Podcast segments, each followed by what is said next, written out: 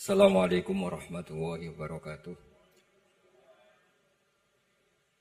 Bismillahirrahmanirrahim. Allahumma ya Allah ihdinas siratal mustaqim siratal ladzina an'amta 'alaihim ghairil maghdubi 'alaihim waladdallin amin. Allahumma shalli wa sallim ala habibika Mustafa Muhammad wa ala alihi wa sahbihi wa barik wa sallim. Yang sangat saya hormati Mustasyar PBNU sekaligus Wakil Presiden Profesor Dr. Ma'ruf Amin.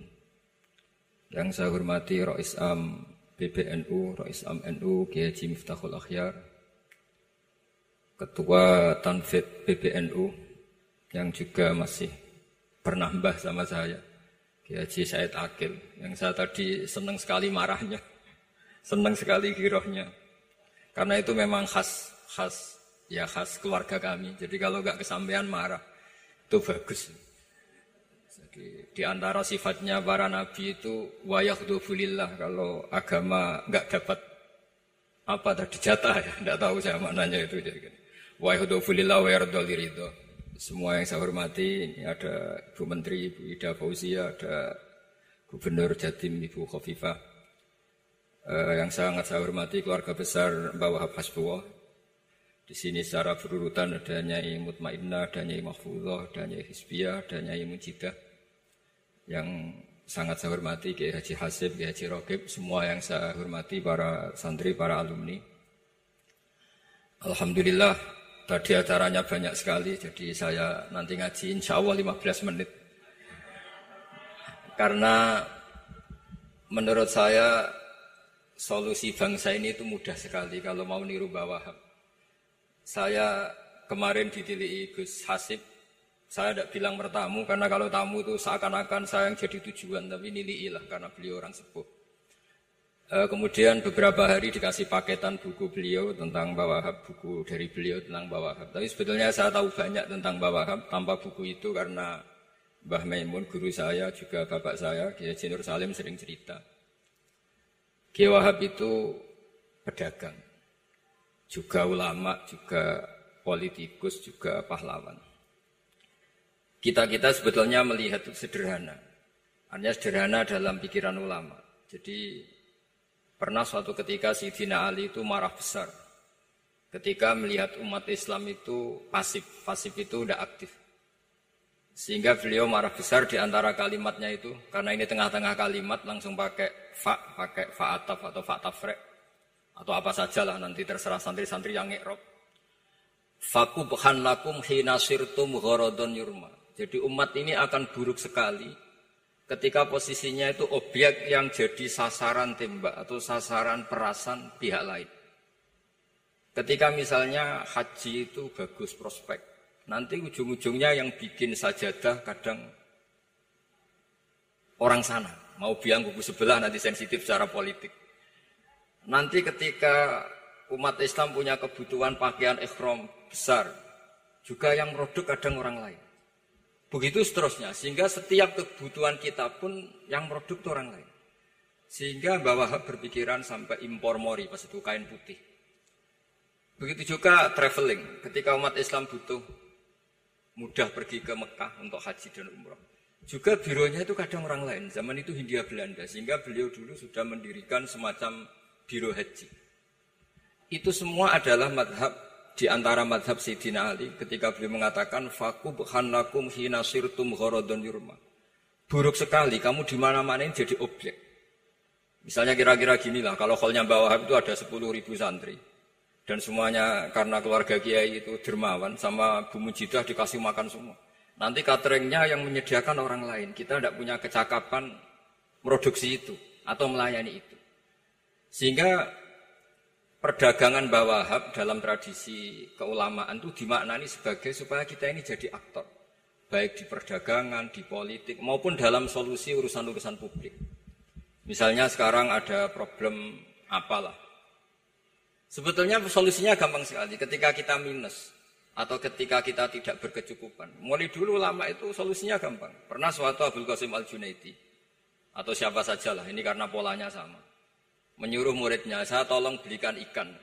Cara sekarang mungkin dikasih uang 50 ribu, terus dikasih tahu sama muridnya, Pak Yai uangnya tidak cukup karena harga ikannya 70 ribu. Terus kata gurunya, beri lebih murah lagi. Uang 50 aja tidak cukup, kok cari yang lebih murah. Kata beliau, arfisu hubitarki.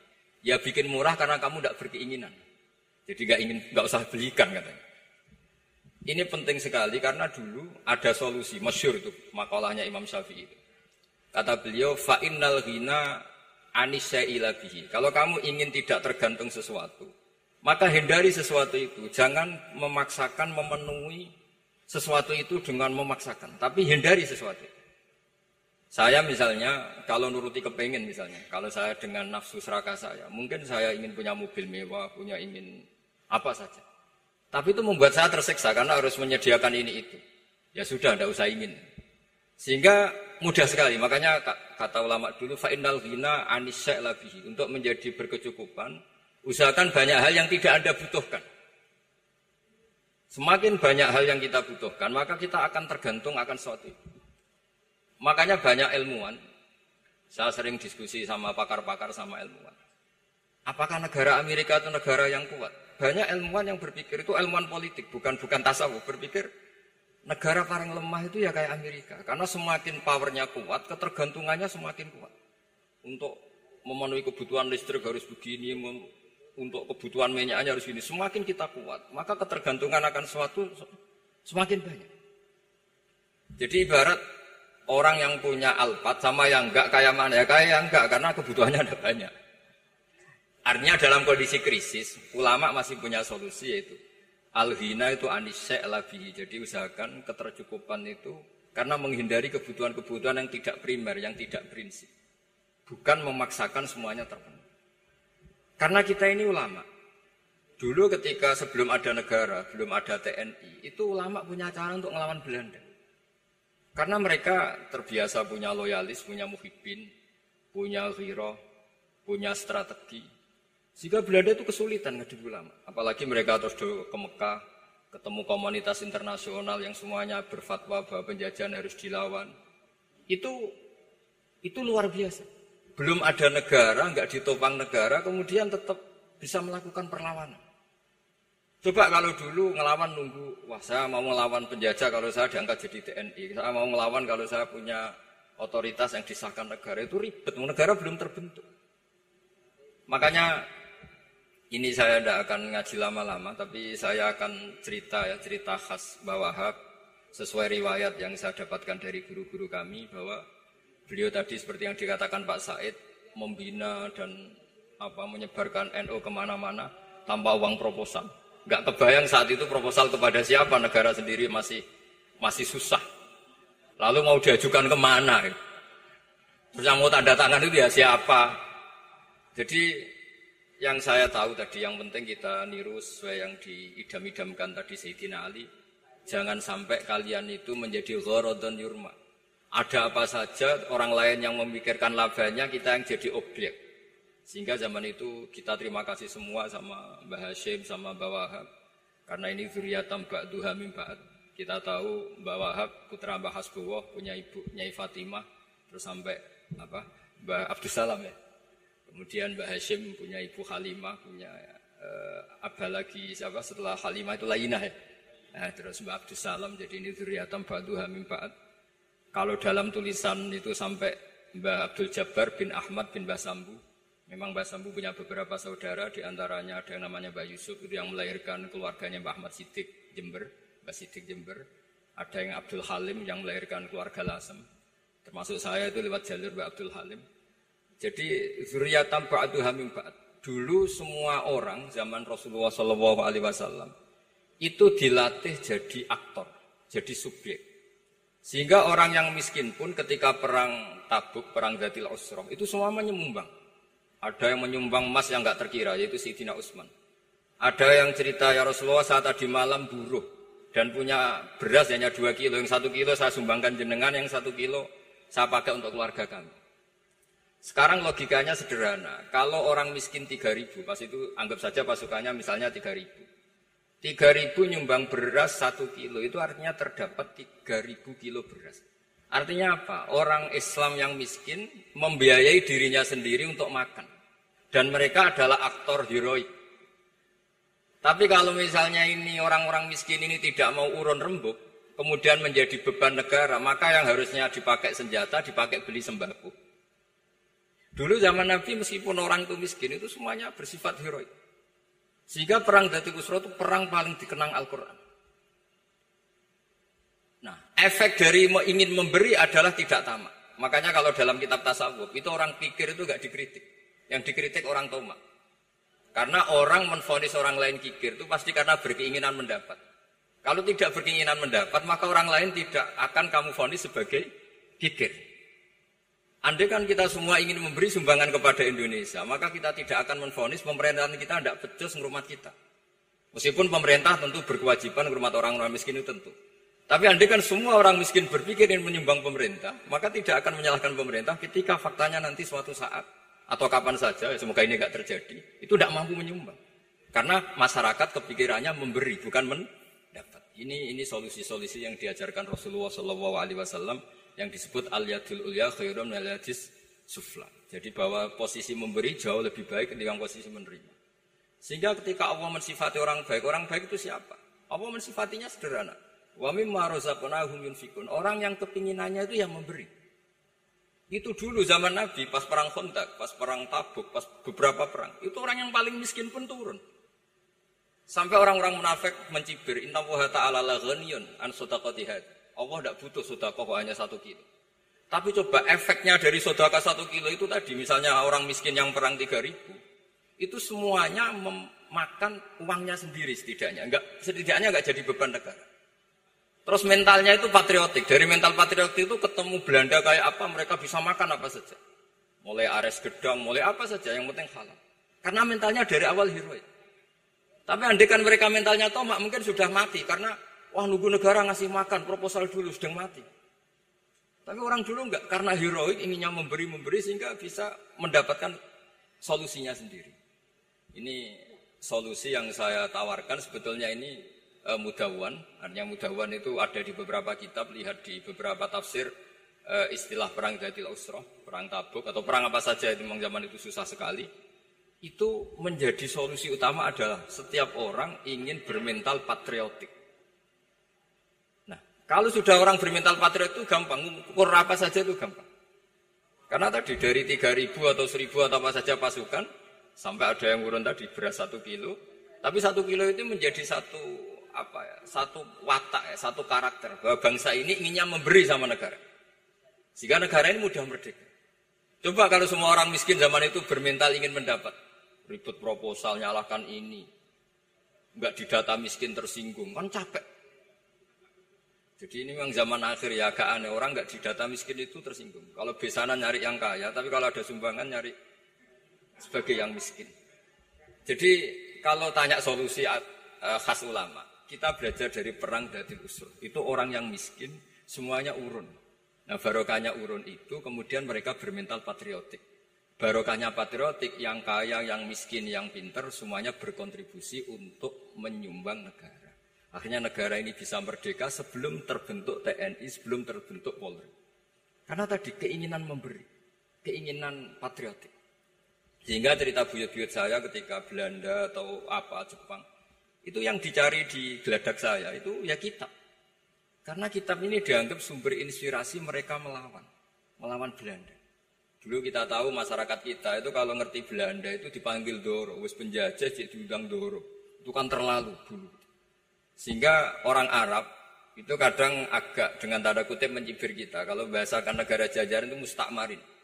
Negara yang perlu rame. Karena cara berpikir masih masih terbelakang. Wong penjajah kok dipanggil Doro. Terus ketika beberapa kiai melihat Belanda baik karena di alun-alun dikasih masjid gini-gini sudah tidak berotak karena anggap India Belanda itu baik. Baru ketika era beberapa ulama ada Mbah Hashim, ada Mbah Hasbo, tadi kata beliau Dwi Tunggal tadi. Terus ada fatwa resolusi jihad. Sehingga mereka baru sadar bahwa Belanda itu ancaman. Kayak apa pentingnya ilmu, kayak apa pentingnya fikih. Karena di fikih jelas, jihad untuk melawan penjajah itu fardu kifayah. Tapi jika musuh kadung ada di kita, maka itu berdoain. Tidak lagi ada prasyarat harus lelaki, harus merdeka, enggak perempuan pun harus terlibat. Jika kita punya pahlawan kayak Cut Nyadin, beberapa daerah Kartini. Itu ada di khazanah kitab-kitab fikih kita. Jadi kita tidak pernah kehilangan khazanah untuk menjawab muskilatus zaman, untuk menjawab problem-problem zaman. Tapi yang penting kita selalu selalu ngaji, selalu belajar. Saya adalah orang yang sebetulnya tidak pernah ingin terkenal karena saya itu suka belajar. Cuma saya bikin pengecualian mau diundang kalau pernah sepuh. Ternyata yang pernah sepuh itu banyak. Ini agak musibah bagi saya karena Harusnya kiai itu ya dihormati, tapi gara-gara kalah sepuh di kongkonan. Saya ini ke mana-mana di kongkonan. Jadi gayanya nasihati, tapi aslinya diperintah. Jadi tidak ada kerennya sama sekali. Di mana-mana posisinya al-makmur diperintah. Tapi saya senang karena ilmu itu butuh konsensus. Andai kan saya tidak pernah ngaji di depan Mbah Mun, di depan bapak, di depan guru-guru, maka mungkin saya tidak pede atas bacaan yang saya baca. Karena saya tidak tahu ini benar apa tidak. Jika masyur kalau dalam guyonan santri, ada orang tidak baca-baca kitab, cari kamus sampai mati tidak ketemu. Karena dia bacanya lam tarjiman. Wah itu cari di kamus sampai mati tidak akan ketemu. Bareng tanya gurunya ini apa Pak Yai? Oh itu lam taro daman. Lam taro daman itu karena marjeknya mar'ah, orang ningali sopa mar'ah, daman yang gede. Dia bacanya jadi satu lam tarjiman. Dicari di kamus ya, sampai mati tidak akan Makanya di guyonan-guyonan pesantren itu banyak katanya ada cerita orang mati karena satu titik. Jadi gurunya baca habbatun sauda dawaun mingkuli. Jadi dia kitabnya kelebihan apa? Titik. Jadi kelebihan titik dia bacanya itu hayatun sauda dawaun mingkuli. Nyari ular hitam, kobra dipatok mati. Padahal sesuai resep kitabnya, karena kitabnya dia kelebihan titik hayatun sauda, artinya maknanya ular hitam. Sementara tagnya mestinya habbatun sauda. Jadi kenaifan-kenaifan begini itu harus kita dandani, karena yang bisa kata Pak Said tadi yang bisa itu kita cari kebenaran dari mana kita itu ya pokoknya ulama lah tidak harus tidak harus NU tidak harus Muhammadiyah pokoknya ulama yang wasatiyah itu nanti terus gimana yang wasatiyah itu kayak apa tapi jelas ulama. Karena dulu zaman kalau kita fair secara sejarah dulu ya Mbah Wahab ya dekat eh, Mas Mansur, dulu Mbah Hashim ngaji sama Mbah Ahmad Dalan sama-sama di Mbah Soleh Darat, ketika di Mekah ya sama-sama ngaji di Sekhotim Minangkabau. Jadi kalau era beliau itu ya memang dulu perbedaan itu nggak ada masalah. Karena perbedaan itu bawaan visi. Saya belajar usul fikih di antara yang diceritakan di buku-buku bawah. Beliau itu ahli usul fikih. Sementara Ki Bisri itu suka fikih mateng. Sehingga memang ada ada perbedaan antara fikih mateng dan usul fikih. Saya beri satu contoh. Ini guyonan tapi nanti di usul fikih nanti kelihatan. Di usul fikih itu ada ilmu namanya tangkikul manat. Ketika Nabi sama-sama menyebut sesuatu, sebetulnya ada benang merah di situ, tidak sama persis. Misalnya begini. Ja'a a'rabiyun ila Rasulillah sallallahu alaihi wasallam. Faqala ya Rasulullah ahlaktu. Wa ma ahlaka kaqal waqatu imraati fi nahari Ramadan. Ya Rasulullah saya ini orang yang rusak karena saya berhubungan intim dengan istri saya di ketika Ramadan. Terus Nabi ngendikan, ya sudah kamu harus merdekakan budak, saya tidak punya ya Rasulullah. Ya sudah kamu puasa dua bulan berturut-turut. Kata beliau, puasa baru sehari saja kecelakaan apalagi dua bulan. Karena kamu orang Arab lah, orang Arab itu dia cerita ini di Arab, di Arab kita. Terus ya sudah kamu sodako sama 60 orang miskin. Saya ini orang paling miskin. Susah kan menghadapi orang miskin seperti ini. Nah, pertanyaannya secara usul fikih. Menurut mazhab Syafi'i, sanksi berat itu hanya untuk yang berhubungan suami istri. Sehingga kalau membatalkannya pakai rokok, pakai minum, pakai makan, tidak kena sanksi seberat itu. Masuk akal kan karena memang hubungan suami istri dalam banyak hal misalnya haji itu ifsad yang benar-benar ifsad bisa merusak haji secara total. Tapi menurut Imam Malik, pikiran Imam Syafi'i itu dianggap aneh. Lo ini hubungan suami istri itu statusnya mubah, sesuatu yang boleh. Maka semua hal yang boleh tapi merusak kehormatan Ramadan, maka ketentuannya sama. Yaitu misalnya nggak sakit, nggak apa, pagi-pagi nyate. Wah itu kan melecehkan Ramadan, nggak sakit, nggak apa, kok pagi-pagi nyate. Perlu dicatat karena hubungan suami istri itu sesuatu yang boleh. Berarti kalau yang boleh merusak Ramadan hukumannya berat, makan yang statusnya boleh juga hukumannya berat. Itu dulu bapak saya ketika bikin analogi itu, itu mau cerita sederhana gini. Hak di ono santri ya goblok. Kandanane aneh. Istrinya lapor ke kiainya. Pak Yai, santri jenengan kalau sama istri sering mukul. Mukul itu nabok pakai tangan. Santrinya dipanggil kan alumni. Kamu jangan sering mukul istri kamu gini-gini. Iya Pak Yai, injih, injih. Suatu saat dua minggu istrinya lapor lagi. Sekarang tidak nabok Pak Yai, nyaduk. Karena yang dilarang hanya nabok. Dipanggil kiai, lo kamu katanya masih sering nyaduk istri kamu. Yang dilarang kan mukul, sekarang nyaduk. Kapan-kapan meludahi. Artinya di usul dijelaskan bahwa makna haramnya naboi adalah hurmatul ida, haramnya menyakiti. Maka nyaduk sama, meludahi sama, menerlantarkan sama. Itu dulu bahwa ahlinya bikin usul fikih seperti itu. Sehingga misalnya Amar Ma'ruf Nahi Mungkar ketika beliau ditanya, apakah perlu ikut kabinet gotong royong? Tapi di situ banyak kelompok yang mungkin itu tidak cocok. Pikirannya kayak harus ikut, justru ikut itu ikut benahi dari dalam. Meskipun dari ikut itu bahwa Wahab Nyun Sawu yang mengalami fitnah yang macam-macam dituduh karena zaman itu nasakom. Tapi itu beliau santai saja. Tapi zaman itu memang itu sah karena zaman itu belum dibubarkan. Jadi yang dialami Wahab ini luar biasa. Semuanya harus jadi pelajaran bagi kita. Makanya jangan pernah meninggalkan ilmu yang bernama usul fikih. Karena fikih yang mateng itu cara boso Jawa ini akan kehilangan stok teks Misalnya Nabi sodakoh pakai kurma atau pakai apa makanan pok. Itu hadisnya itu kurma sama Imam Syafi'i digenti kutu ahli baladi. Yaitu makanan pokok dari negara. Sehingga kita tidak bisa mentang-mentang Nabi sodakohnya pakai kurma terus kita orang miskin kita kasih kurma. Bisa linu tuh nih kalau makan kurma orang Indonesia itu. Karena yang penting itu kutu ahli balad bukan kurma. Bukan mentang-mentang Nabi sholat di Mekah Medina, kalau ingin persis sunnah Rasul, sholatnya harus di Mekah Medina. Kalau di Indonesia, Nabi tidak pernah sholat di Indonesia. Sunnah Rasul sholatnya di Mekah. Medina bisa ada, ada orang sholat kalau gitu. Jadi ada ilmu yang namanya tangkihul manat. Yang harus ditiru itu sisi mana? Nah dalam konteks Arabi tadi terus kemudian ada dibuang. Ja Arabion, kata Arabi itu dibuang. Datang orang Bedui. Bo orang kota pun kalau punya kesalahan yang sama hukumannya juga sama. Maka kata Arabi dibuang. Nah menurut Imam Malik kata jima hubungan suami istri juga dibuang, digenti membatalkan puasa dengan apa saja yang tanpa udur. Jadi ini kealiman-kealiman kiai Indonesia dulu itu. Misalnya kentong, dulu meskipun ada yang bilang bid'ah, kentong itu bid'ah karena mirip orang Nasrani. Orang Nasrani itu bentuk kentongnya di kelenteng itu tidak seperti kentong kita. Adat Indonesia kalau pos kampleng ada maling, ada banjir ya pakai kentong. Jadi adatnya memanggil itu pakai kentong. Makanya kiai dulu, ini mirip orang Nasrani, enggak mirip pos kampleng. Padahal jelas ya, menurut hadis sohail jelas ketika ada sahabat usul ya Rasulullah bikin kentong, wah jangan nakus itu nanti kayak Nasrani. Bikin buk, buk itu trompet, jangan nanti mirip orang Yahudi. Ya dengan api ya Rasulullah, jangan nanti mirip majusi. Datang sahabat tergesa-gesa, beliau mimpi kalau diajarin azan. Azan itu maknanya al-ilam, memberi maklumat waktu sholat. Akhirnya ada azan.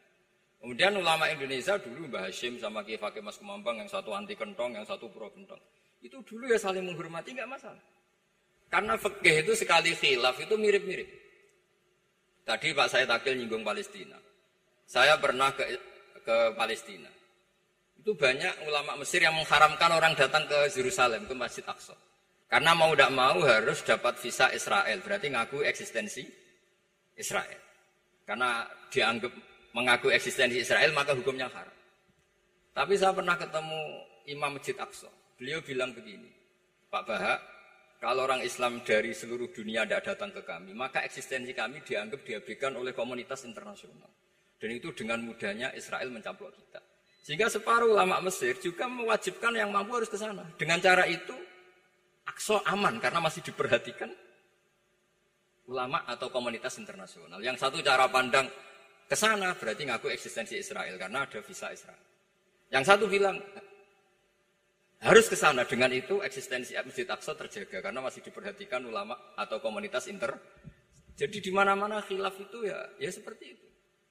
Tapi alhamdulillah di di kita di kita itu khilaf itu biasa.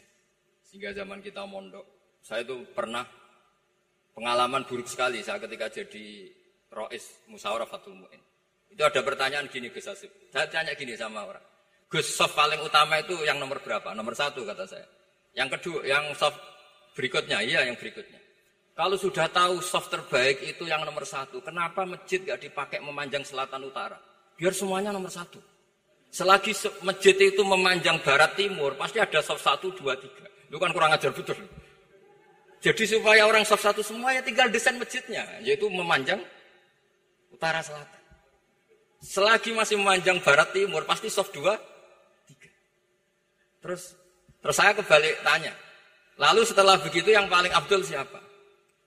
Yang sisi kanannya imam. Ya sudah imamnya dipojokkan pol selatan. Biar semuanya dari pol kanan. Nanti ada masalah lagi. Yang paling abdul siapa? Yang paling dekat imam. Yuskono kerubuti imam kan gitu. Jadi kalau nuruti fikih itu ya memang ilmu logika. Jika banyak orang jadi wali itu dari hasil istiadatnya. Ada orang jadi wali karena sering sholat di sofa tapi ada wali pesaingnya, justru jadi wali karena kalau sholat di belakang. Tapi tetap wali. Suatu saat dua wali ini ketemu. Loh kamu kok wali? Padahal kalau sholat paling belakang. Saya tuh malu sama Allah. Kok koyok sok suci ya gue ngarep gitu. Jadi wali karena adab, bukan karena males loh. Saya itu gak pede, saya saja kok sholat di depan. Maksudnya kok, kok kepedean itu. Tapi tentu secara saya tetap baik yang di depan ini saya bukan bela yang Kenapa saya cerita bela yang belakang? Karena yang bela jarang gitu. Makanya saya dan kebetulan saya kalau sholat ya sering di soft belakang. Tapi ini saya cerita betapa logika fikih itu khazanahnya banyak dan luas. Dan kita bicara usul fikih itu biasa. Kita belajar sama beberapa ulama. Saya berkali-kali cerita di mana-mana. Muhammad bin Hasan Asyiban itu mewajibkan ulama kaya. Dan beliau kalau ngitung duit itu di kamar tamu, di ruang tamu. Sehingga santri ora kepikiran nyalami template. Kan cara wong Jawa kan meliting hitung duit kok di ruang tamu. Tapi ternyata alasannya beliau masuk akal. Ben santri ku roh nak kiai ini di duit. Jadi ra perlu kepikiran nyumbang gulu. Ya masuk akal. Tapi yang yang nyimpen duit ya masuk akal duit kok dipamer-pamer. Tapi yang pamer dia monggo nak niate ben wong ndak perlu berempati, gak perlu sakit. Jika gak perlu didata dapat BLT, mereka duit tidak kok. Ya, itu semuanya istiadat. Assalamualaikum warahmatullahi wabarakatuh.